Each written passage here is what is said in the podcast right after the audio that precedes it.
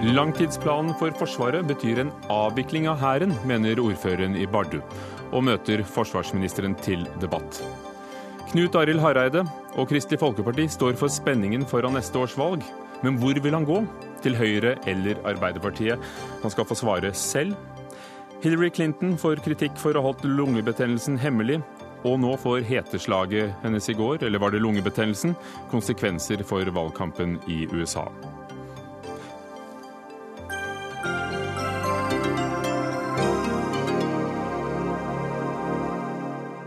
Velkommen til eh, Dagsnytt 18. Ugo Fermariello i studio. Vi skal også mot slutten av sendingen snakke om Syria. Fredsavtalen har akkurat trådt i kraft. Spørsmålet er hvor lenge vil den holde?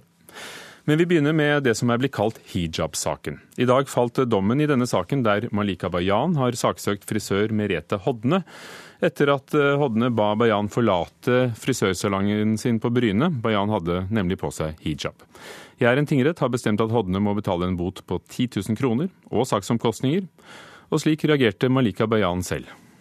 Dommen, selve størrelsen på straffen og sånn, det er ikke så viktig for meg. Men selve dommen, at det ble funnet skyldig, er jeg veldig veldig fornøyd med. Det er ikke noe jeg er ute etter hun personlig. så Jeg ønsker ikke at hun skal få den hardeste straffen eller sånne ting. Jeg ønsker bare at det skal bli satt et eksempel eh, for å vise at dette her er ikke greit. Forsvarer i saken Linda Ellefsen Eide. Umiddelbart etter at denne dommen kom i dag, så sa din klient at hun ville anke. Vil, vil hun og dere fortsatt anke? Altså Det har ikke vi tatt stilling til ennå. Vi har uh, tatt betenkningstid, og vi bruker de 14 dagene på å gå gjennom de sidene av uh, saken som kan medføre at en anke kan gå videre eller ikke. Hvordan vil du karakterisere dommen? Nei, Jeg syns den er tynn. Jeg syns det at retten ikke vurderer de prinsipielle sider som denne saken kunne fått en avgjørelse på. Og ordlyden står fremdeles uklar for den juridiske verden etter den dommen. Hanne Inger Bjurstrøm, likestillings- og diskrimineringsombud. Hva syns du om dommen? Dommen som sådan vil jeg ikke egentlig gå inn på. Vi har hatt saken hos oss som en diskrimineringssak etter diskrimineringslovgivningen tidligere, og kom til at dette var i strid med diskrimineringslovgivningen. Så registrerte jo vi da at uh, påtalemyndigheten valgte å brekke dette inn uh, etter straffelovens bestemmelser, og at man i dag har fått en dom hvor man har slått fast at det å nekte noen å handle med dem, eller da i dette tilfellet utføre en tjeneste, det er i strid med straffeloven. Eh, jeg er bare glad for at man har fått et resultat som slår fast at man faktisk har lov til å ha trosfrihet i dette landet, og at man ikke kan nektes en tjeneste basert på at man har en, et religiøst plagg.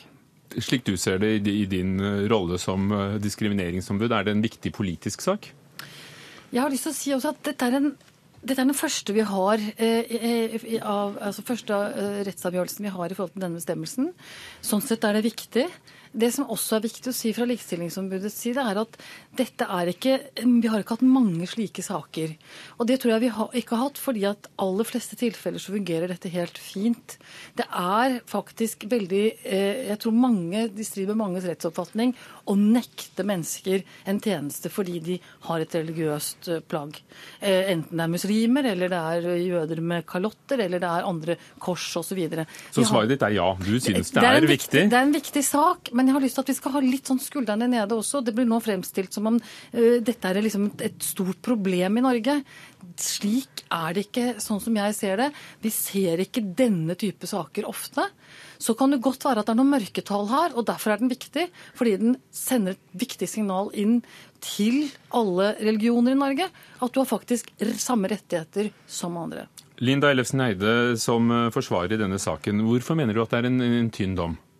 Nei, altså jeg mener det at eh, retten eh, hopper bukk over en eh, del vurderinger av den, de juridiske sider, slik som hva ligger i ordlyden religion. Og for mitt vedkommende, og for veldig mange andre, så er det ikke naturlig å trekke en parallell til å bære hijab eller å bruke jødekalott, som vi hørte nettopp var trukket frem, som religion.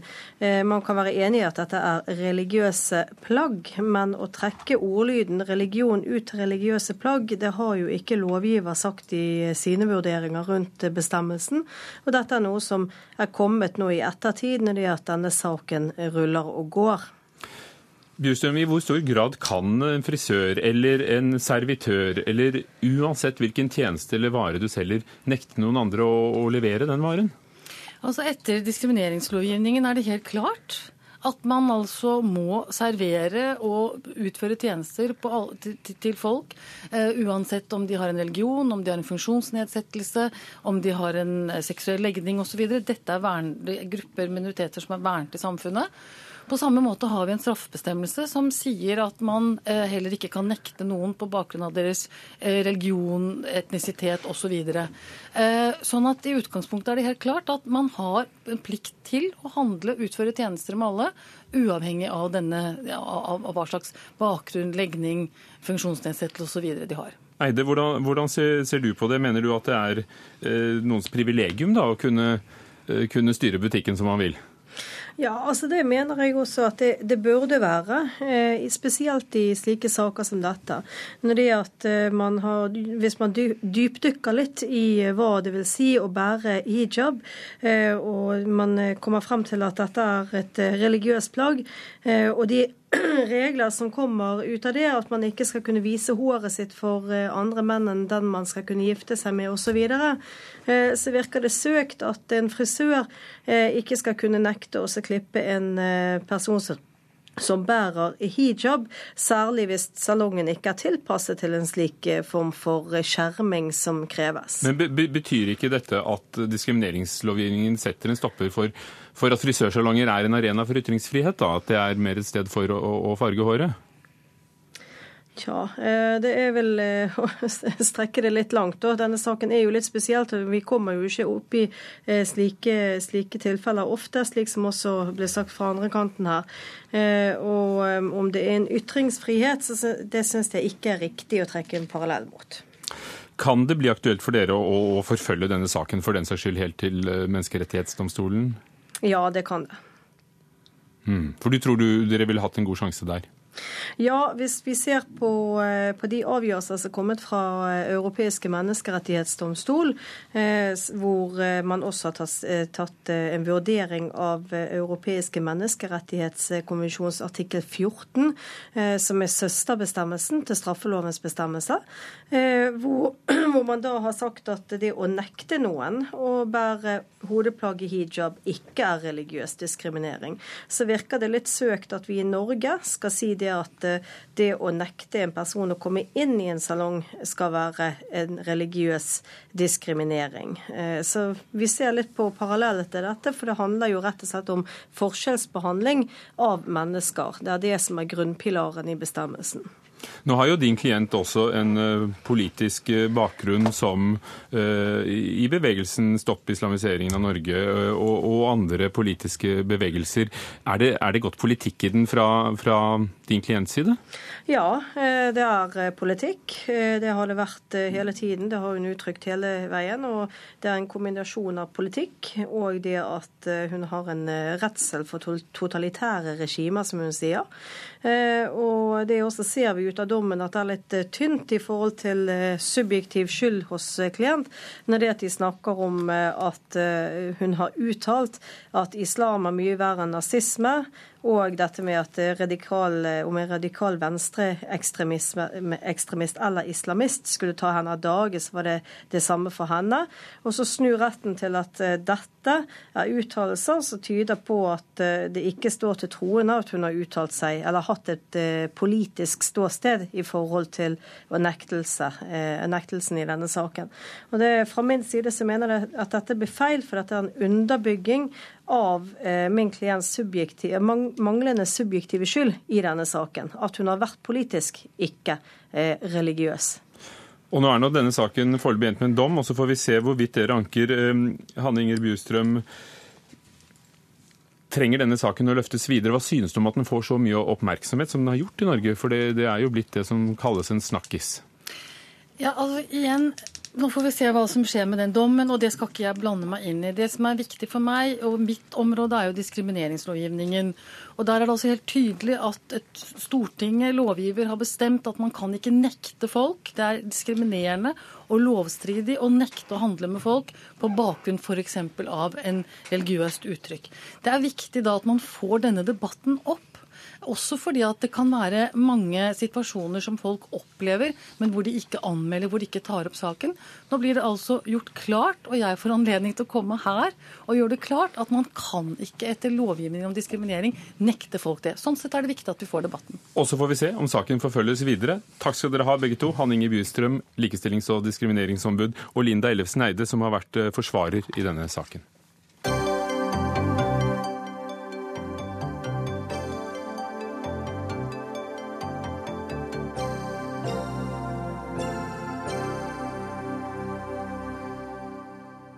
Langtidsplanen for Forsvaret provoserer ordførerne i to av landets viktigste forsvarskommuner, nemlig i Bardu og Måselv i Indre Troms. De hevder at Hæren svekkes på bekostning av de andre forsvarsgrenene. Og de er også bekymret for at ressursene blir flyttet fra nord til sør. Og Toralf Heimdal, ordfører i Bardu i Troms, en kommune med mange forsvarsarbeidsplasser. Eh, gjennom flere debattinnlegg og sammen med kollegaen din i nabokommunen Måselv, så har dere kritisert denne langtidsplanen som kom tidligere i sommer. Ber du for din syke mor? Det vil si, er det det at du er redd for å miste arbeidsplassene? Nei, god ettermiddag, forresten. God ettermiddag. Nei, Det her dreier seg overhodet ikke om eh, arbeidsplasser. Det er det er sånn at det er sikkerhetspolitikk det kanskje føles viktigere her i nord enn det det utgjør i Ring 3. Og så, tror jeg vi må ha med oss det at det, det er veldig komplisert. Og at eh, jeg har tro på at hvis at flere hadde fått informasjon om det som faktisk, eh, hvordan det står til i Hæren nå, så ville flere ha reagert på, på eh, denne på landmaktutredninga, som, som jeg mener er helt unødvendig. Nå er det det at det med Hæren skal utredes etter hvert, men, men, før vi går videre, og vi har statsråden her, eh, hva er det konkret du er mest opprørt over? Nei, det er jo, For det første så er det at investeringene i Hæren blir skjøvet på og eventuelt utsatt ut i det uvisse i påvente av en utredning. Nytt artilleri det er jo helt uh, håpløst. Det er jo de her M109-vognene som skal kjøre ut, eh, de må lastes på lastebil og kjøres ut eh, i felten. Det, det, er ikke operativt i det hele tatt.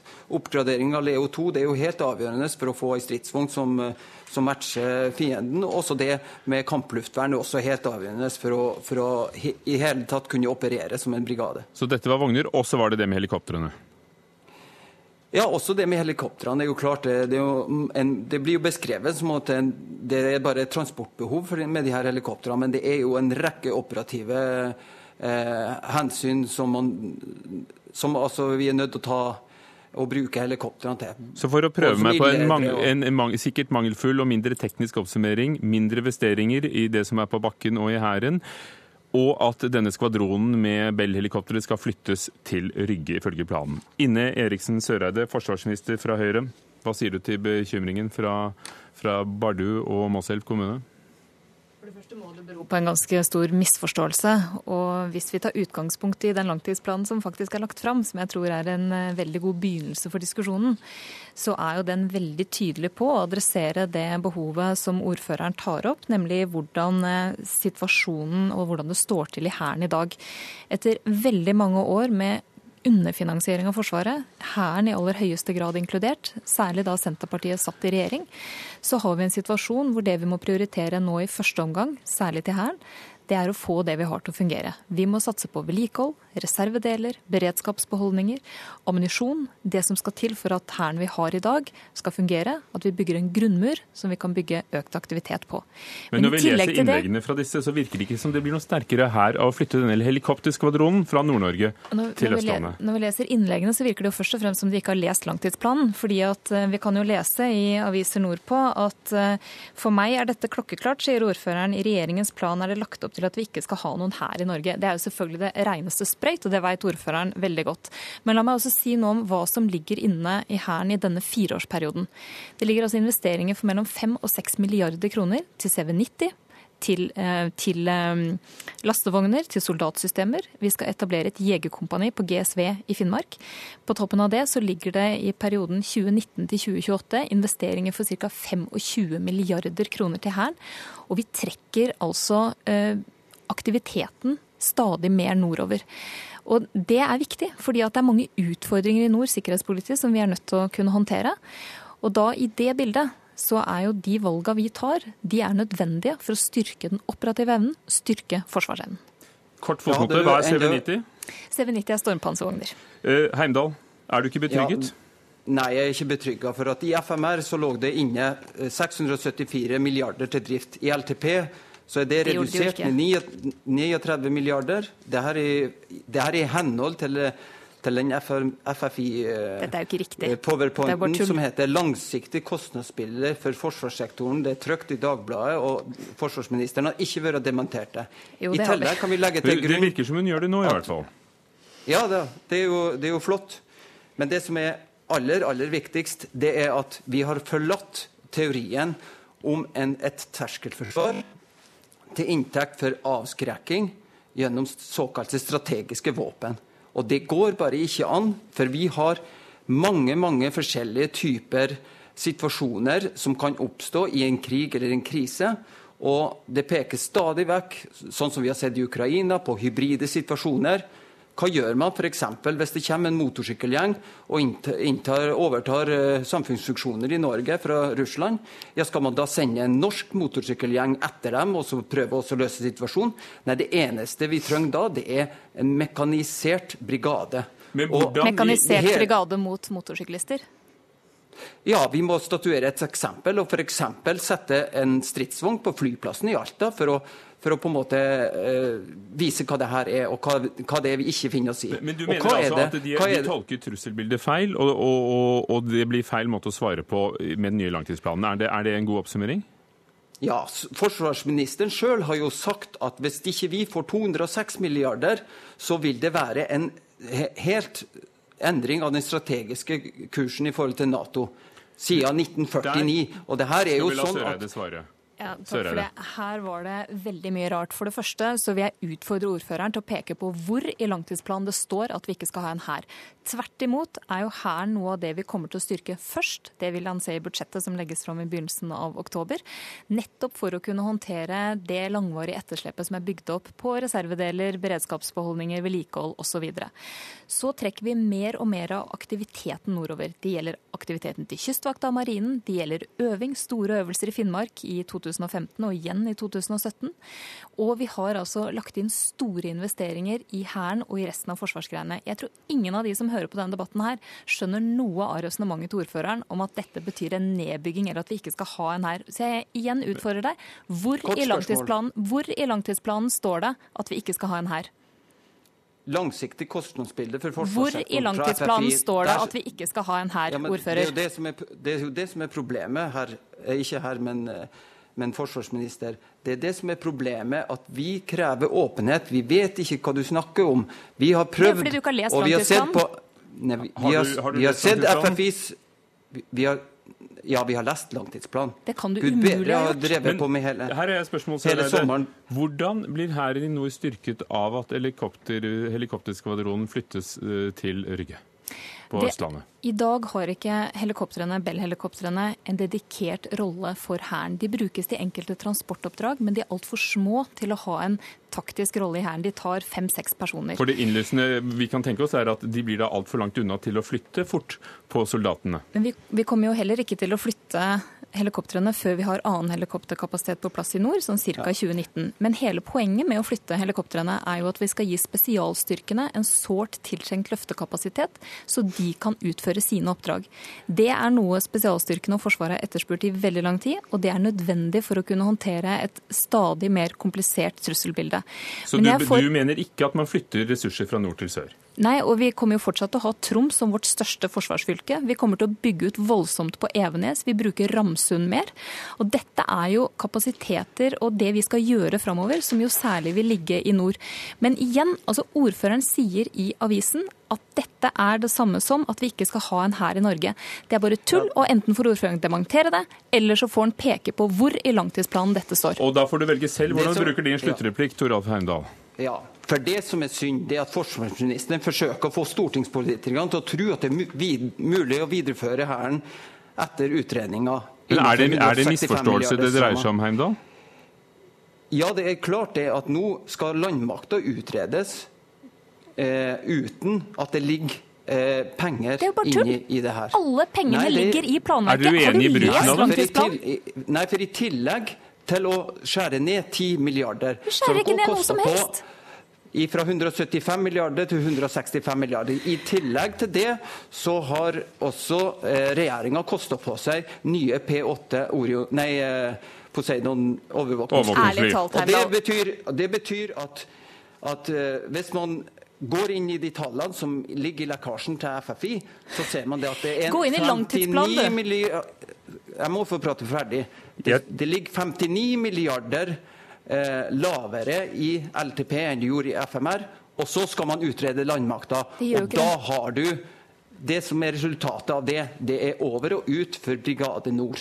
Det er bare tull, det vet ordføreren. Og det ligger altså ikke 59 milliarder mindre i langtidsplanen. Jeg anbefaler deg å lese langtidsplanen. Jeg anbefaler deg å lese alt det som nå ligger ute på våre nettsider. Langtidsplanen, FMR, vi må avslutte der. Og så får vi se hvor mye klokere vi, vi ble. Jeg tror alle kan finne denne liggende på, på regjeringens hjemmeside, langtidsplanen. Og så kan vi gjøre oss opp vår egen mening. Takk. Ine Eriksen Søreide, forsvarsminister fra Høyre, og Toralf Heimdal, ordfører fra Senterpartiet i Bardu i Troms.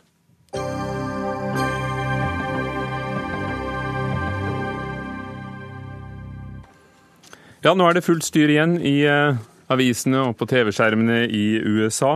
Hillary Clinton og helsen hennes handler om. I går forlot hun 11. september-markeringen i New York pga. heteslag. Det var det hun sa, i hvert fall. Mange stiller spørsmålet om hemmeligholdet av lungebetennelsen, som hun har slitt med i en del dager. Også mange demokrater har begynt å tvile på sin egen kandidat, og om hun er skikket til å bli USAs neste president. Tove Bjørgaas, eh, korrespondent i Washington. Dreier det seg en del om Hillary Clinton i dag i, i mediene i USA? Alt dreier seg om eh, Hillary Clinton i dag. Også selvfølgelig om Donald Trump, som var på Fox News her i morges og sa god bedring til Hillary Clinton. Eh, og så la han til det er et eller annet som foregår, slik han ofte gjør. Eh, men han har altså blitt rådet kraftig av sine rådgivere nå til ikke å hause opp stemningen her, men å lene seg tilbake og la Clinton-kampanjen slite med dette. For det som er Problemet her er jo selvfølgelig at de skulle ha offentliggjort denne diagnosen med en gang de fikk den, og ikke fått spekulasjonene til å begynne å rulle. For det har jo gått som en farsott, mye takket være en video der vi ser henne eh, støtte seg og, og klamre seg til, eh, til, en hjelpende hånd på vei inn i bilen, og så forlot hun eh, datteren Chelseas leilighet litt senere. Og, og, og, nå har jo da USA hatt en morgen fullt av kommentatorer, og hva sier de? De sier at eh, kampanjen burde ha offentliggjort denne eh, informasjonen med en gang. Og så er de opptatt av hva det er hun har fått. Altså, legen hennes sier at dette er en lungebetennelse som kan behandles med antibiotika, og at hun allerede er på bedringens vei. Clinton har avlyst eh, en tur til California hun skulle på i dag for å samle inn mer penger til kampanjen sin. Hun får også kritikk for det, for å bruke for mye tid på det istedenfor å, for, å møte velgere. Men hun tar seg nå et par dagers eh, timeout, mens eh, kommentatorene her lurer på hva dette kommer til å få å si for den videre valgkampen hennes. For akkurat nå er hun inne i en veldig kritisk fase, der hun fortsatt leder knapt, men har altså falt tilbake på meningsmålingene. Kjell Terje Ringdal, førstelektor ved Høgskolen Kristiania, en kløpper på amerikansk politikk og retorikk. Eh, hva får det å si, tror du?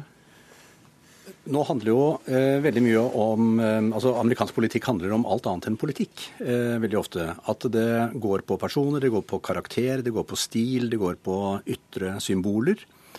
Eh, og dette forsterker jo bare det fenomenet at vi nå ser ut til å komme inn i en eh, debatt hvorvidt Hillary Clinton er frisk nok til å være president. Og i kjølvannet av det så kommer altså den store karakterdebatten. Hvorfor sa du ikke fra tidligere? Slik at hun ser ut til å eh, vikle seg inn i enda mer av de problemene som, eh, som har eh, forfulgt henne tidligere, nemlig at ting blir holdt litt unna, ting blir ikke sagt helt som det er. Og Sånn sett så kan det da se ut til at Donald Trump får ytterligere ammunisjon på crooked Hillary, dessverre. Uvanlig milde toner fra hans side, tross alt? Ja, det er jo ganske interessant. Altså, han får jo nå anledning til å si god bedring, eh, og se ut til å mene det. Men jeg tror ikke det sitter så veldig dypt i hjertet hans. Tove Bjørgaas, eh, demokrater selv stiller seg nå tvilende, men, men, det betyr vel ikke at de heller vil ha eh, flere år med, med Trump? Det betyr det absolutt ikke. Men veldig mange demokrater, og jeg kjenner mange av dem, de er frustrert og har vært det lenge og mener at Hillary Clinton er en veldig dårlig presidentkandidat nettopp fordi hun har problemer med denne troverdigheten, og at hun gang på gang havner i situasjoner som dette. Fordi hun vil så gjerne, men forsøker å gjøre alt riktig. Så det er mange som har ønsket seg Bernie Sanders lenge, men det er også mange andre som er veldig redde nå for hva dette kan få å si det, det, tiskes i krokene om et møte, om et slags krisemøte. Hva hvis hun blir borte lenge? Men jeg, det er for tidlig å begynne å spekulere i det. Jeg tror Hillary Clinton kommer til å være tilbake om et par dager eh, fullt i valgkampen. Dette er en kvinne som har kjørt et enormt tempo i mange år. Helt siden hun satt som førstedame i Det hvite huset. Det er få som har stått på så mye som henne og hatt så lange arbeidsdager. Vi har jo sett en kommentator si la oss nå få dette i perspektiv. Det er, det er ikke mer al alvorlig enn som så. Men hva sier du, Ringdal? Er det et eh, taktskifte i valgkampen? Det er i hvert fall eh, veldig viktig, fordi eh, her ligger snubletrådene tett. Og den, eh, de skal man ikke snuble i. Hvis man ser på eh, det man eh, i alle år har sagt om amerikansk politikk, altså det å bli valgt til amerikansk president handler om at du må ha styrke, empati, integritet. De tre tingene, der må du i hvert fall score på to av dem. Tidligere så har altså Hillary skåret på styrke. Altså hun har hatt kraft, eh, masse erfaring osv. Som, eh, som utenriksminister. Hun mangler empati, vil veldig mange si, og hun mangler integritet. Så det hun da sto igjen med, eh, i beste fall for noen dager siden, var altså styrken. Og når da denne angivelige sykdommen kommer, så kan det altså være at hun mister på en måte alle de tre sentrale elementene som du også må ha med deg. Og det er alvorlig. Så hva ville du rådet henne til hvis du ja, bli, var i hennes dag? Ja, Bli frisk, snakke sant, eh, bli sjarmerende. Altså, dette, er jo, dette er jo eh, grunnleggende eh, menneskelige krav til en politiker. som altså Enten så har du det, eller så har du det ikke. Styrkekravet er jo en, en, en rasjonell appell, hvor, hvor, du altså må vise styrke og fortelle folk at 'jeg har erfaring'. Men hvis det oppleves at man mangler empati og varme, så er det vanskelig å gjøre noe med det. Ehm, og hvis det også oppleves at hun ikke har integritet, og at hun jukser og holder ting unna, så er det altså veldig alvorlige beskyldninger. Så det, det er slett ikke lett å være rådgiver for Hillary Clinton i disse dager. Kom inn du, Tove.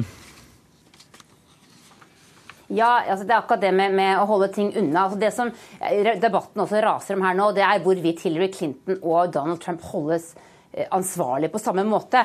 Eh, mange syns nok at man går hardere etter Clinton. For det er jo et faktum at Donald Trump han har jo heller ikke offentliggjort noen voldsomme helsejournaler. Han vil bli den eldste presidenten i USAs historie han om han skulle bli valgt.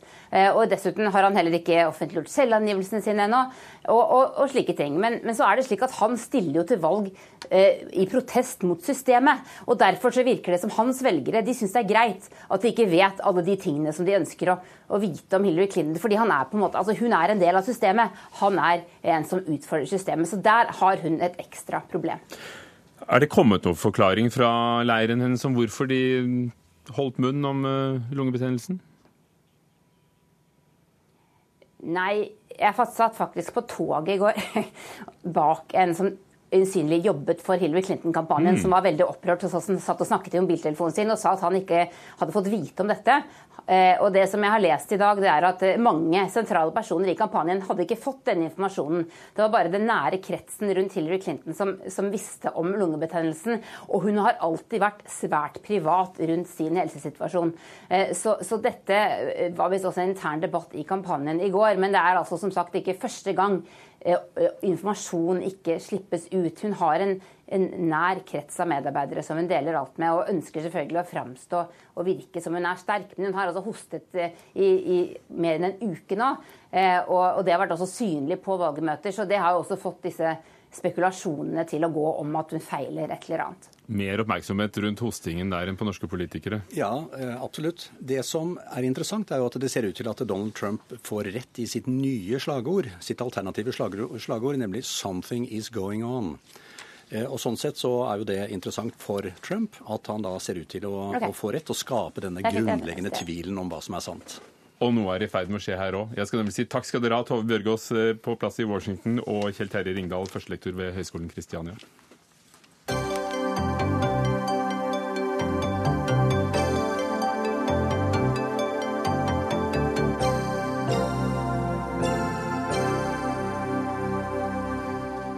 Vi kommer til å få strømsjokk, det sier forfatteren av en ny bok om det norske kraftmarkedet. Regjeringen ønsker at private skal få bygge kraftkabler til utlandet, bl.a. for å sikre energiforsyningen.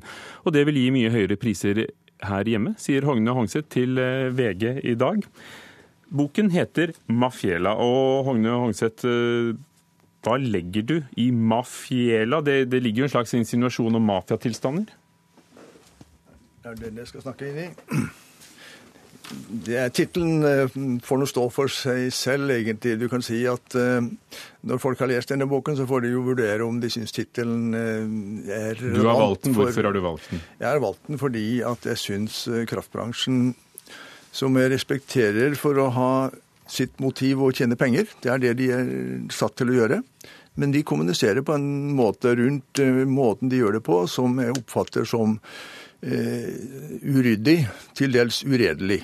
Og Derfor så velger jeg en tittel som kan eh, spenne forventningene til hva boken måtte inneholde. Og så får vi en diskusjon etterpå om den er overdreven, eller om den er eh, relevant. Vi får den kanskje allerede nå. Du, du har jo en bakgrunn fra, fra, LO og i nettopp energisektoren i LO, etter at du også har jobbet i Statoil selv. Men mener du altså at det å bygge nye kraftkabler til utlandet, for vi har jo en del allerede, er et, et slags kynisk spill fra kraftbransjen? Ja, det mener jeg. Fordi? Det er fordi at vi har egentlig ikke behov for disse kablene. Det norske folk har ikke behov for dem. Kraftbransjen ønsker de fordi at de vil ønske sin, sin inntjening, og det aksepterer jeg. Men jeg syns det er greit å sette, sette blikk på om, om det er riktig for det norske samfunnet. Ole Fulseth, administrerende direktør i Energi Norge. Dere organiserer norske strømprodusenter, kraftverk. Vi har allerede fem ledninger til utlandet. Nå skal Statnett og kanskje en privat aktør bygge flere. Hvorfor vil dere ha flere? Altså, Vi er jo som kraftsystem sånn at vi er avhengig av regn og nedbør. Og Da er det kjempebra å ha noe å trekke på når det ikke regner og ikke snør. Og det ville vært veldig dyrt for norske forbrukere dersom vi ikke hadde kabler til utlandet. Har vi hatt mye underskudd i det siste på strøm? Eh, det varierer. Eh, for tre år siden, for åtte år siden. ikke sant? Det der går, varierer med været. Hvor eh, mye vil dere kjøpe inn fra utlandet for, for å, å, hjelpe oss når dere ikke har nok nedbør og regn og, og nok igjen i magasinet? Og hvor mye vil dere selge? Hovedbildet er at vi har et stort kraftoverskudd i Norden. Sånn sett så vil kablene kunne bidra til å selge til andre land rundt oss når vi har for mye. Nettopp. Og så er det sånn at når det er tørt og kaldt, da kan vi importere. Og det gjør at prisene blir jevnere. Og til denne inngangen rundt kraftmarkedet, så må vi si at altså, kraftmarkedet i Norden er kanskje det mest velfungerende og lengst fungerende åpne kraftmarkedet vi har i, i hvert fall Europa, kanskje verden. Eh, så det er et veldig velfungerende system. Og eh, det bidrar jo til høy forsyningssikkerhet. Det bidrar til verdiskaping for norske ressurser.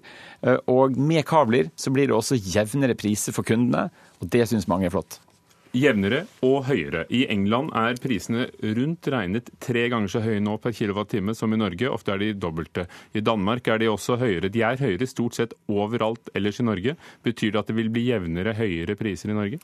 Eh, flere kabler betyr at det på marginen blir høyere snittpris, det er riktig. Men når vi diskuterer, vi hørte jo overskriften i dag var jo at fordi at man skulle tillate private utvikle kabler, så skulle strømprisene dobles. Det henger jo ikke sammen i Nei, det hele tatt. Nei, Det er de flere kablene eventuelt, da, uansett hvem som bygger dem. Det er det ene. Men det andre er at det forbrukeren betaler, ja det er 40% er avgifter. Og så er det nettleie.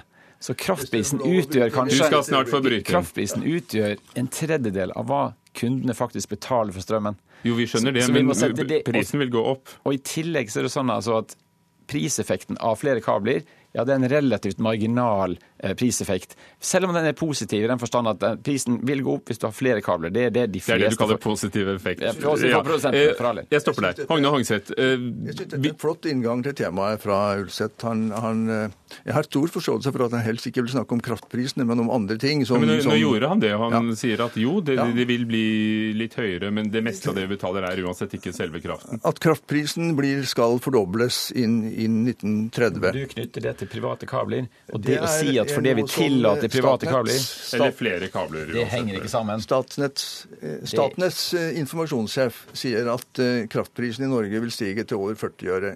IA sier 45 øre.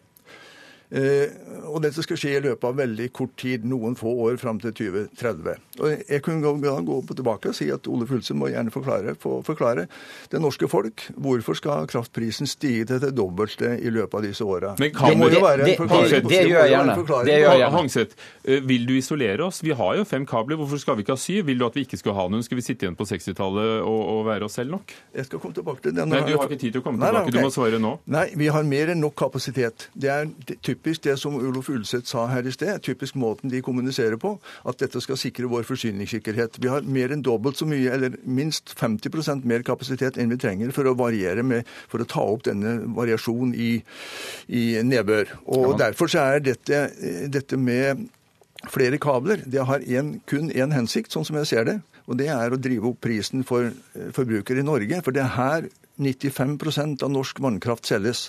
Men det er vel helt i orden at kraftselskapene vil tjene penger på kraften sin Selvsagt. også? Men da må de fortelle hva som skal skje. I eh, Oluf Ulseth han sa i Stortinget her under høringen her, så kan jeg sitere ordrett, han sier at dette altså med at private skal få bygge kabler, det legger til rette for å utvikle verdiskapingspotensialet i den regulerbare norske vannkraften. Det er jo kjempe... Hvor skal, hvor skal, de, hvor skal, de, hvor skal de inntektene komme fra? Skal de komme fra eksport, eller skal de komme fra de norske forbrukerne? Jeg syns det sauser sammen diskusjonen om hva det fremtidige kraftprisen er, og effektene av kabler. Hvor skal de inntektene komme fra, som du skisserte overfor Stortinget? da? Er det fra oss eller fra britene? Altså, Når vi har for mye kraft i Norge og Norden, og andre land rundt oss ønsker å kjøpe det, så er det helt supert å kunne selge. Kunne du ikke spart den i magasinene og solgt den til oss litt senere, da? Nei, da renner det over. Men, ja, men hvis, det kan hvis det ikke er kablene, Olav, eh, hvor kommer, hvor kommer fordoblingen av inntektene fra hvis det ikke er fra kablene? Nå er det Ulseths tur. Uh, som sagt, her saustes det sammen. Hvor kommer inntektsøkningen fra, da? Hvis jeg kan få lov å snakke ferdig. Ja, så, saus, så saustes det sammen forslaget om å tillate private utvikle kabler med hva fremtidig kraftpris er. Fremtidig kraftpris Forklar oss det kort. henger mye sammen med fremtidig CO2-pris og kullpriser. Spørsmålet om flere kabler alle kabler som skal utvikles i Norge, skal være samfunnsøkonomisk lønnsomme. Det er det bredt flertall for i Stortinget. Om det er private eller staten som utvikler, det er altså sånn at Kommer det nye prosjekter, så er det myndigheten som avgjør det. Men det ikke dere, ja, For det blir jo gitt politisk lisens, og denne regjeringen vil. Men vil dere tjene pengene på oss eller på briter og tyskere som kjøper kraften? Når, når dere sier at det vil føre til at dere tjener mer penger? Eh, det vil variere. I Noen ganger så vi, kan vi kjøpe billig vindkraft fra Nord-Tyskland og selge er, dyrere vannkraft etterpå. Uh, Hovedpoenget for forbrukerne er, er at, pris, at, prisene blir jevnere. Det er ganske utrolig at du ikke vil svare på hvor, hvor, praft, hvor, hvor, øk, hvor kommer økningen fra. Her fikk vi virkelig utnyttet stereoeffekten i ja, ja, ja. radioen. Og jeg må si takk ikke, til dere. Han vil ikke svare på hvor kraftprisene kommer økende. Fjela, Dette synes jeg er helt utidig. Rett og slett helt utidig. Og Ole Fulseth, administrerende direktør i Energi Norge. Så langt kom vi. Takk.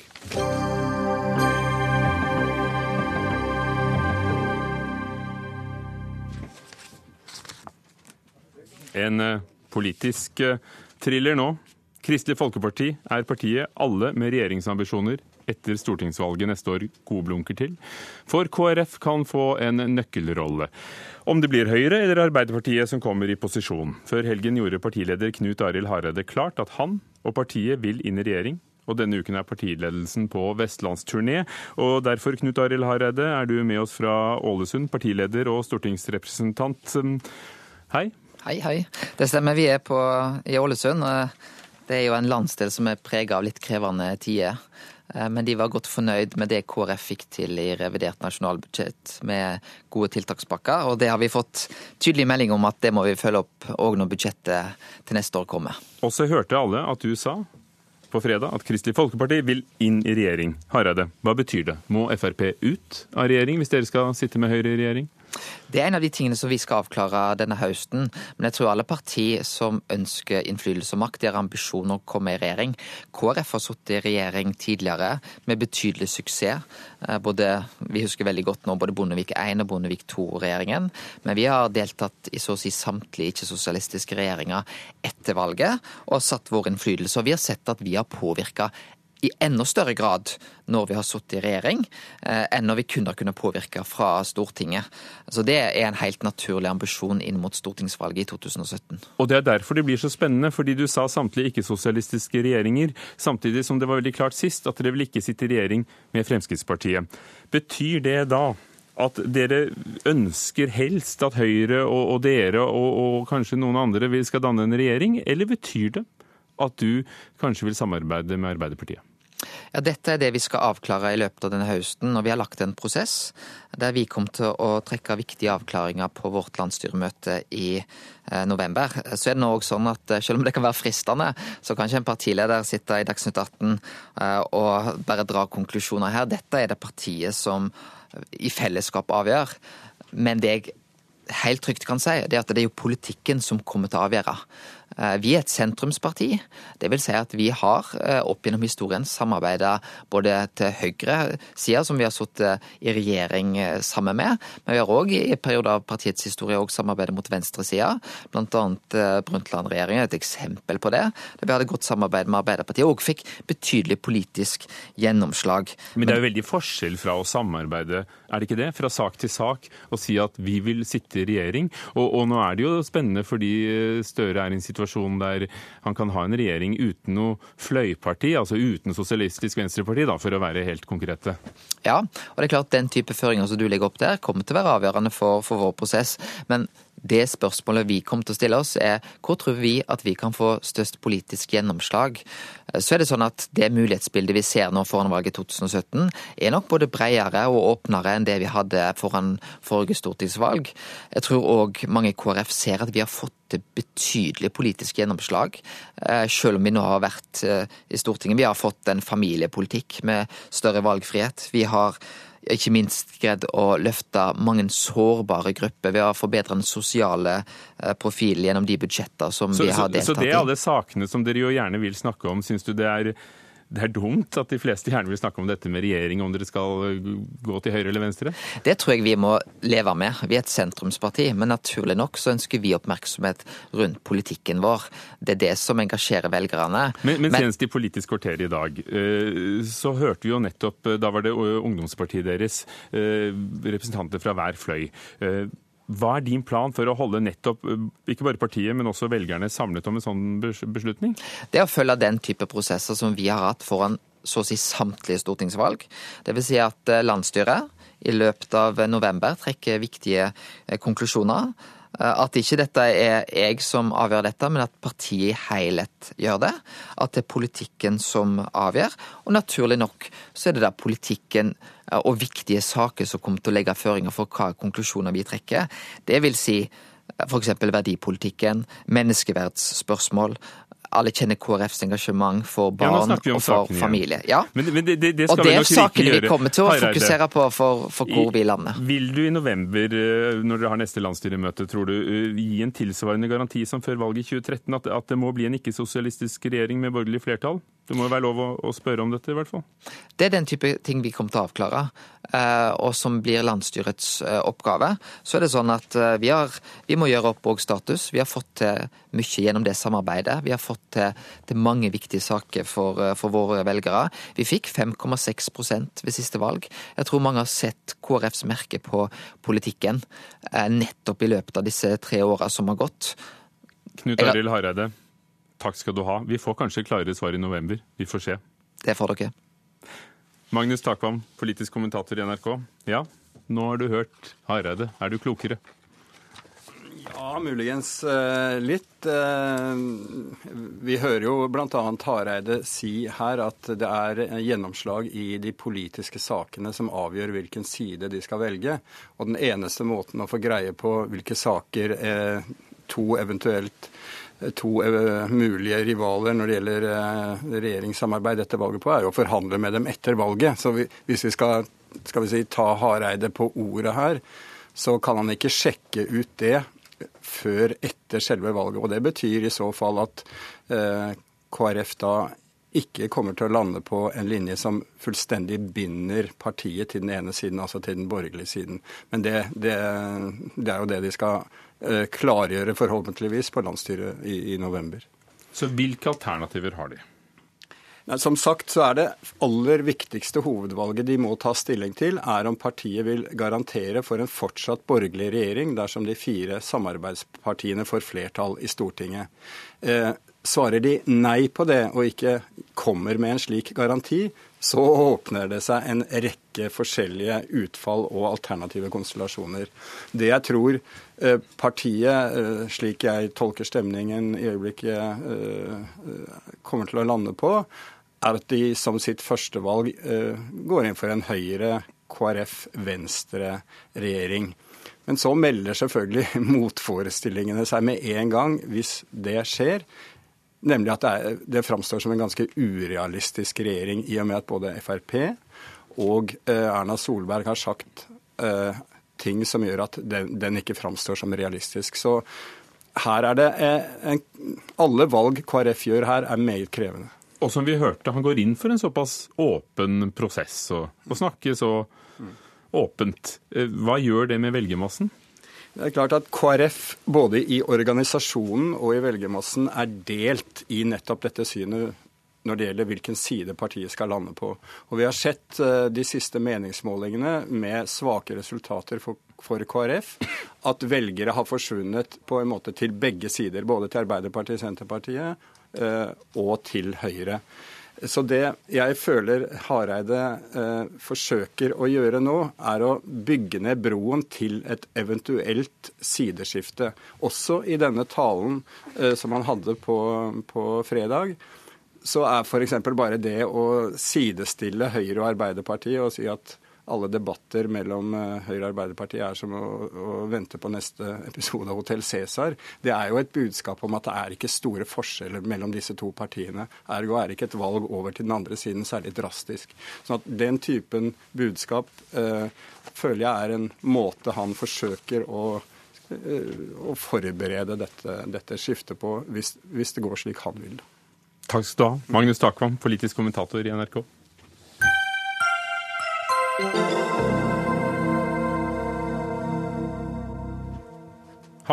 og marihuana, hvor farlig er det egentlig å røyke cannabis? Det spørsmålet ble stilt i programmet Folkeopplysningen på NRK1, og svarene fra forskerne og politikerne spriker i forskjellige retninger. At cannabis har skadevirkninger er forskerne ganske enige om. Men vet vi egentlig hvor store? Justisminister Anders Anundsen sa i programmet at alkohol er tryggere enn cannabis, og viste til eh, en eh, serie avisartikler og en upublisert svensk eksamensoppgave. Det er ganske bred enighet innen forskningsfeltet ruspolitikk at alkohol er betydelig farligere enn cannabis.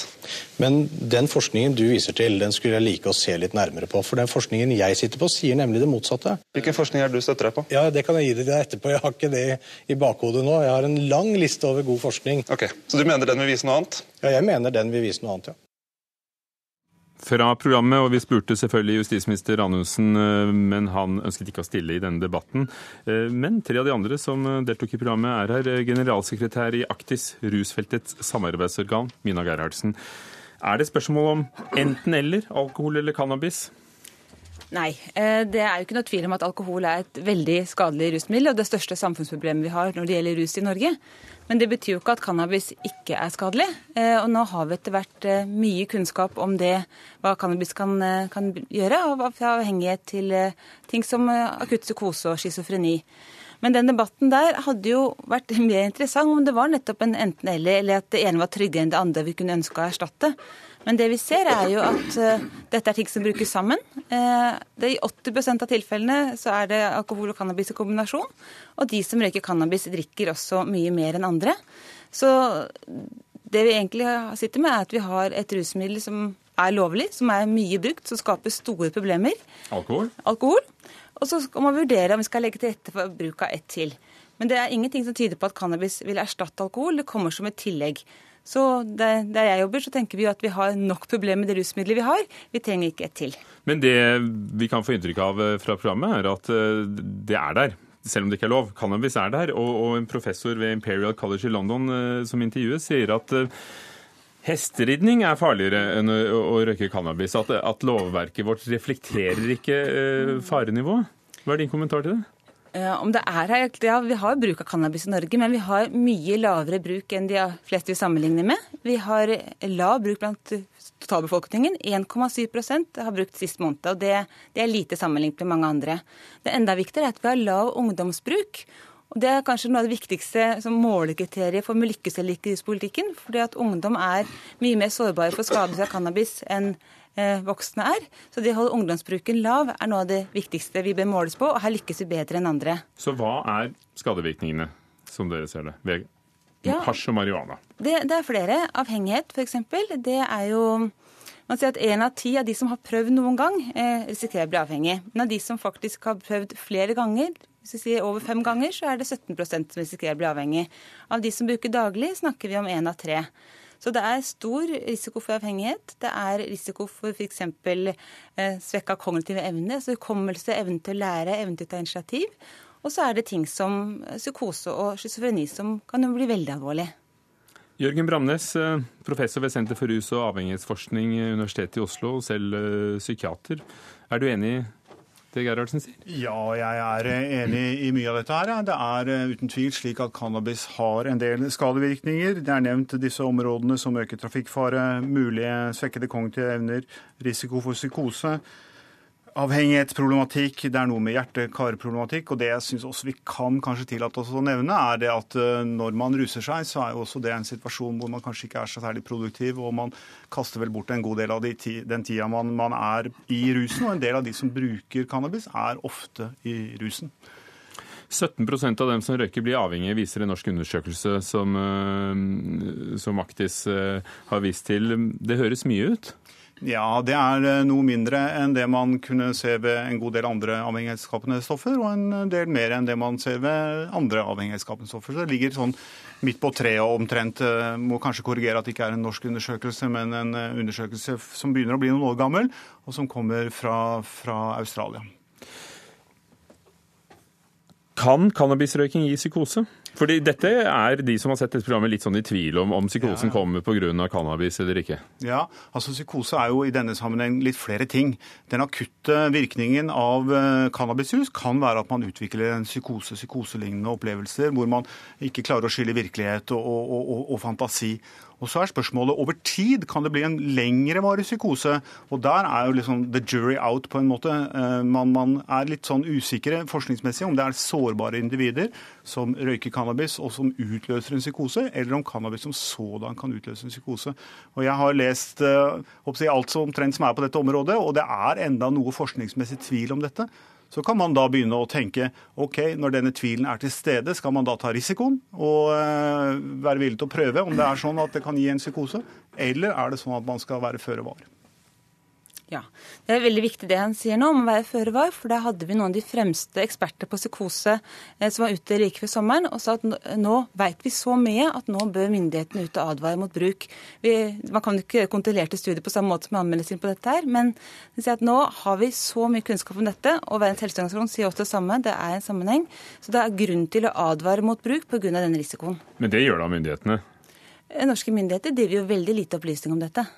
Det har vi aktivt etterlyst. Willy Pedersen, professor ved Institutt for eh, sosiologi og samfunnsgeografi, eh, forsker mye på rus. Eh, hvorfor har vi så mange forskjellige oppfatninger, og det virker som om det er så mange forskjellige resultater? Altså, hvis jeg bare starter med det Mina Gerhardsen startet med, at vi gjør det veldig bra i Norge pga. den politikken vi har, så er det ganske stor uenighet om den politikken vi har, altså med kriminalisering av dette, har spesielt stor effekt. Så vi kan eventuelt komme tilbake til det. Eh, når vi ser på skadevirkningene her, så er, jeg, så er, det klart at det er en god del skadevirkninger med cannabis. Eh, men eh, spørsmålet er om de mer alvorlige virkningene, altså de tingene Jørgen Bramnes nå snakket om altså Alle er enige om at det på kort sikt kan gi forvirringstilstander, hallusinasjoner og den slags. Det er, det, er ingen tvil om. For ti år siden så, Jeg har jobbet med dette mange år, kanskje i 30 år omtrent. For ti år siden så sa jeg veldig tydelig at jo, det er også en risiko for schizofreni. Jeg tror Jørgen, som også var i virksomhet da, sa dette litt forsiktigere enn meg. Men jeg gikk ganske hardt ut. Sånn som jeg tolket forskningen på den tiden, så syns jeg den var veldig entydig. Fra, år, altså fra 2006 og fram til i dag så mener jeg at den har blitt mye mer usikker. Eh, jeg kan si at for fra... Og Da bør vel tvilen komme usikkerheten til gode, da? Altså spørsmålet, Det kan vi jo diskutere, men som forsker altså Mina Gerhardsen er politiker i denne sammenheng, eller jobber for en slags interesseorganisasjon. For å ta den siste artikkelen jeg har lest, som er en oversiktsartikkel som kanskje dere også kjenner, fra Nature, eh, som da kom for et, ca. et år siden, oversikt over er det en risiko for schizofreni, så er spørsmålet, den, Denne artikkelen starter med å si det var en gang en panikk på dette feltet. I dag er vi mye mer usikre. Og En hovedgrunn til det er at hadde det vært en sterk sammenheng her, så ville vi fått en økning i befolkningen av schizofreni når vi får en firedobling av antallet brukere. Den økningen finner ingen. Så, så jeg vil si at status i dag er mye mer usikker. Mener du at politikerne ikke har eh, den forskningen og det riktige grunnlaget for den politikken som føres? Er det det du sier? sånn? Som Mina Gerhardsen startet med å snakke i dag, så vil jeg si at hun snakker på en helt annen måte. enn, Og dette er verdens beste tidsskrift, altså. altså her snakker vi Nature, som er nesten Er du åpen for at denne forskningen kan gi et nytt grunnlag for den politikken ikke bare politikere, men også, også dere står for i Aktis? Når det gjelder kunnskap om cannabis, så har vi fått mye mer igjen de siste årene. Og ser Bramle samle seg WHOs rapport. De har gjort det samme som FNs klimapanel har gjort. Samle verdens beste forskere de over flere år, sette seg ned og se hva veit vi, hva veit vi ikke. Det er et strålende dokument som gir en grunnmur av kunnskap som vi bør kunne enes om. Er... er du åpen for å forandre også deres politikk? Ja, men det skjer jo også samtidig. må jeg si at Vi har, vi har et veldig godt kunnskapsgrunnlag. Eh, samtidig så skjer det jo ting her. F.eks. er cannabisen blitt mye sterkere enn før. Hva, vi vet ikke ennå nok om hva det vil bety på avhengighet og behandlingsbehov. Vi ser at flere begynte å bruke ikke bare til fest, men til hverdags. Vi vet ikke hva det vil bety. Sier, og likevel, der må jeg si stans. Ja, kan jeg si én setning? Fordi at Du snakket om usikkerheten bør komme noen til gode. Ja, usikkerheten bør gjøre at vi har et sterkt føre-var-perspektiv her. Jeg må si stopp. Mina Gerhardsen fra Aktis rusfeltet samarbeidsorganisasjon, Jørgen Bramnes, psykiater, og Willy Pedersen, sosiolog. Takk.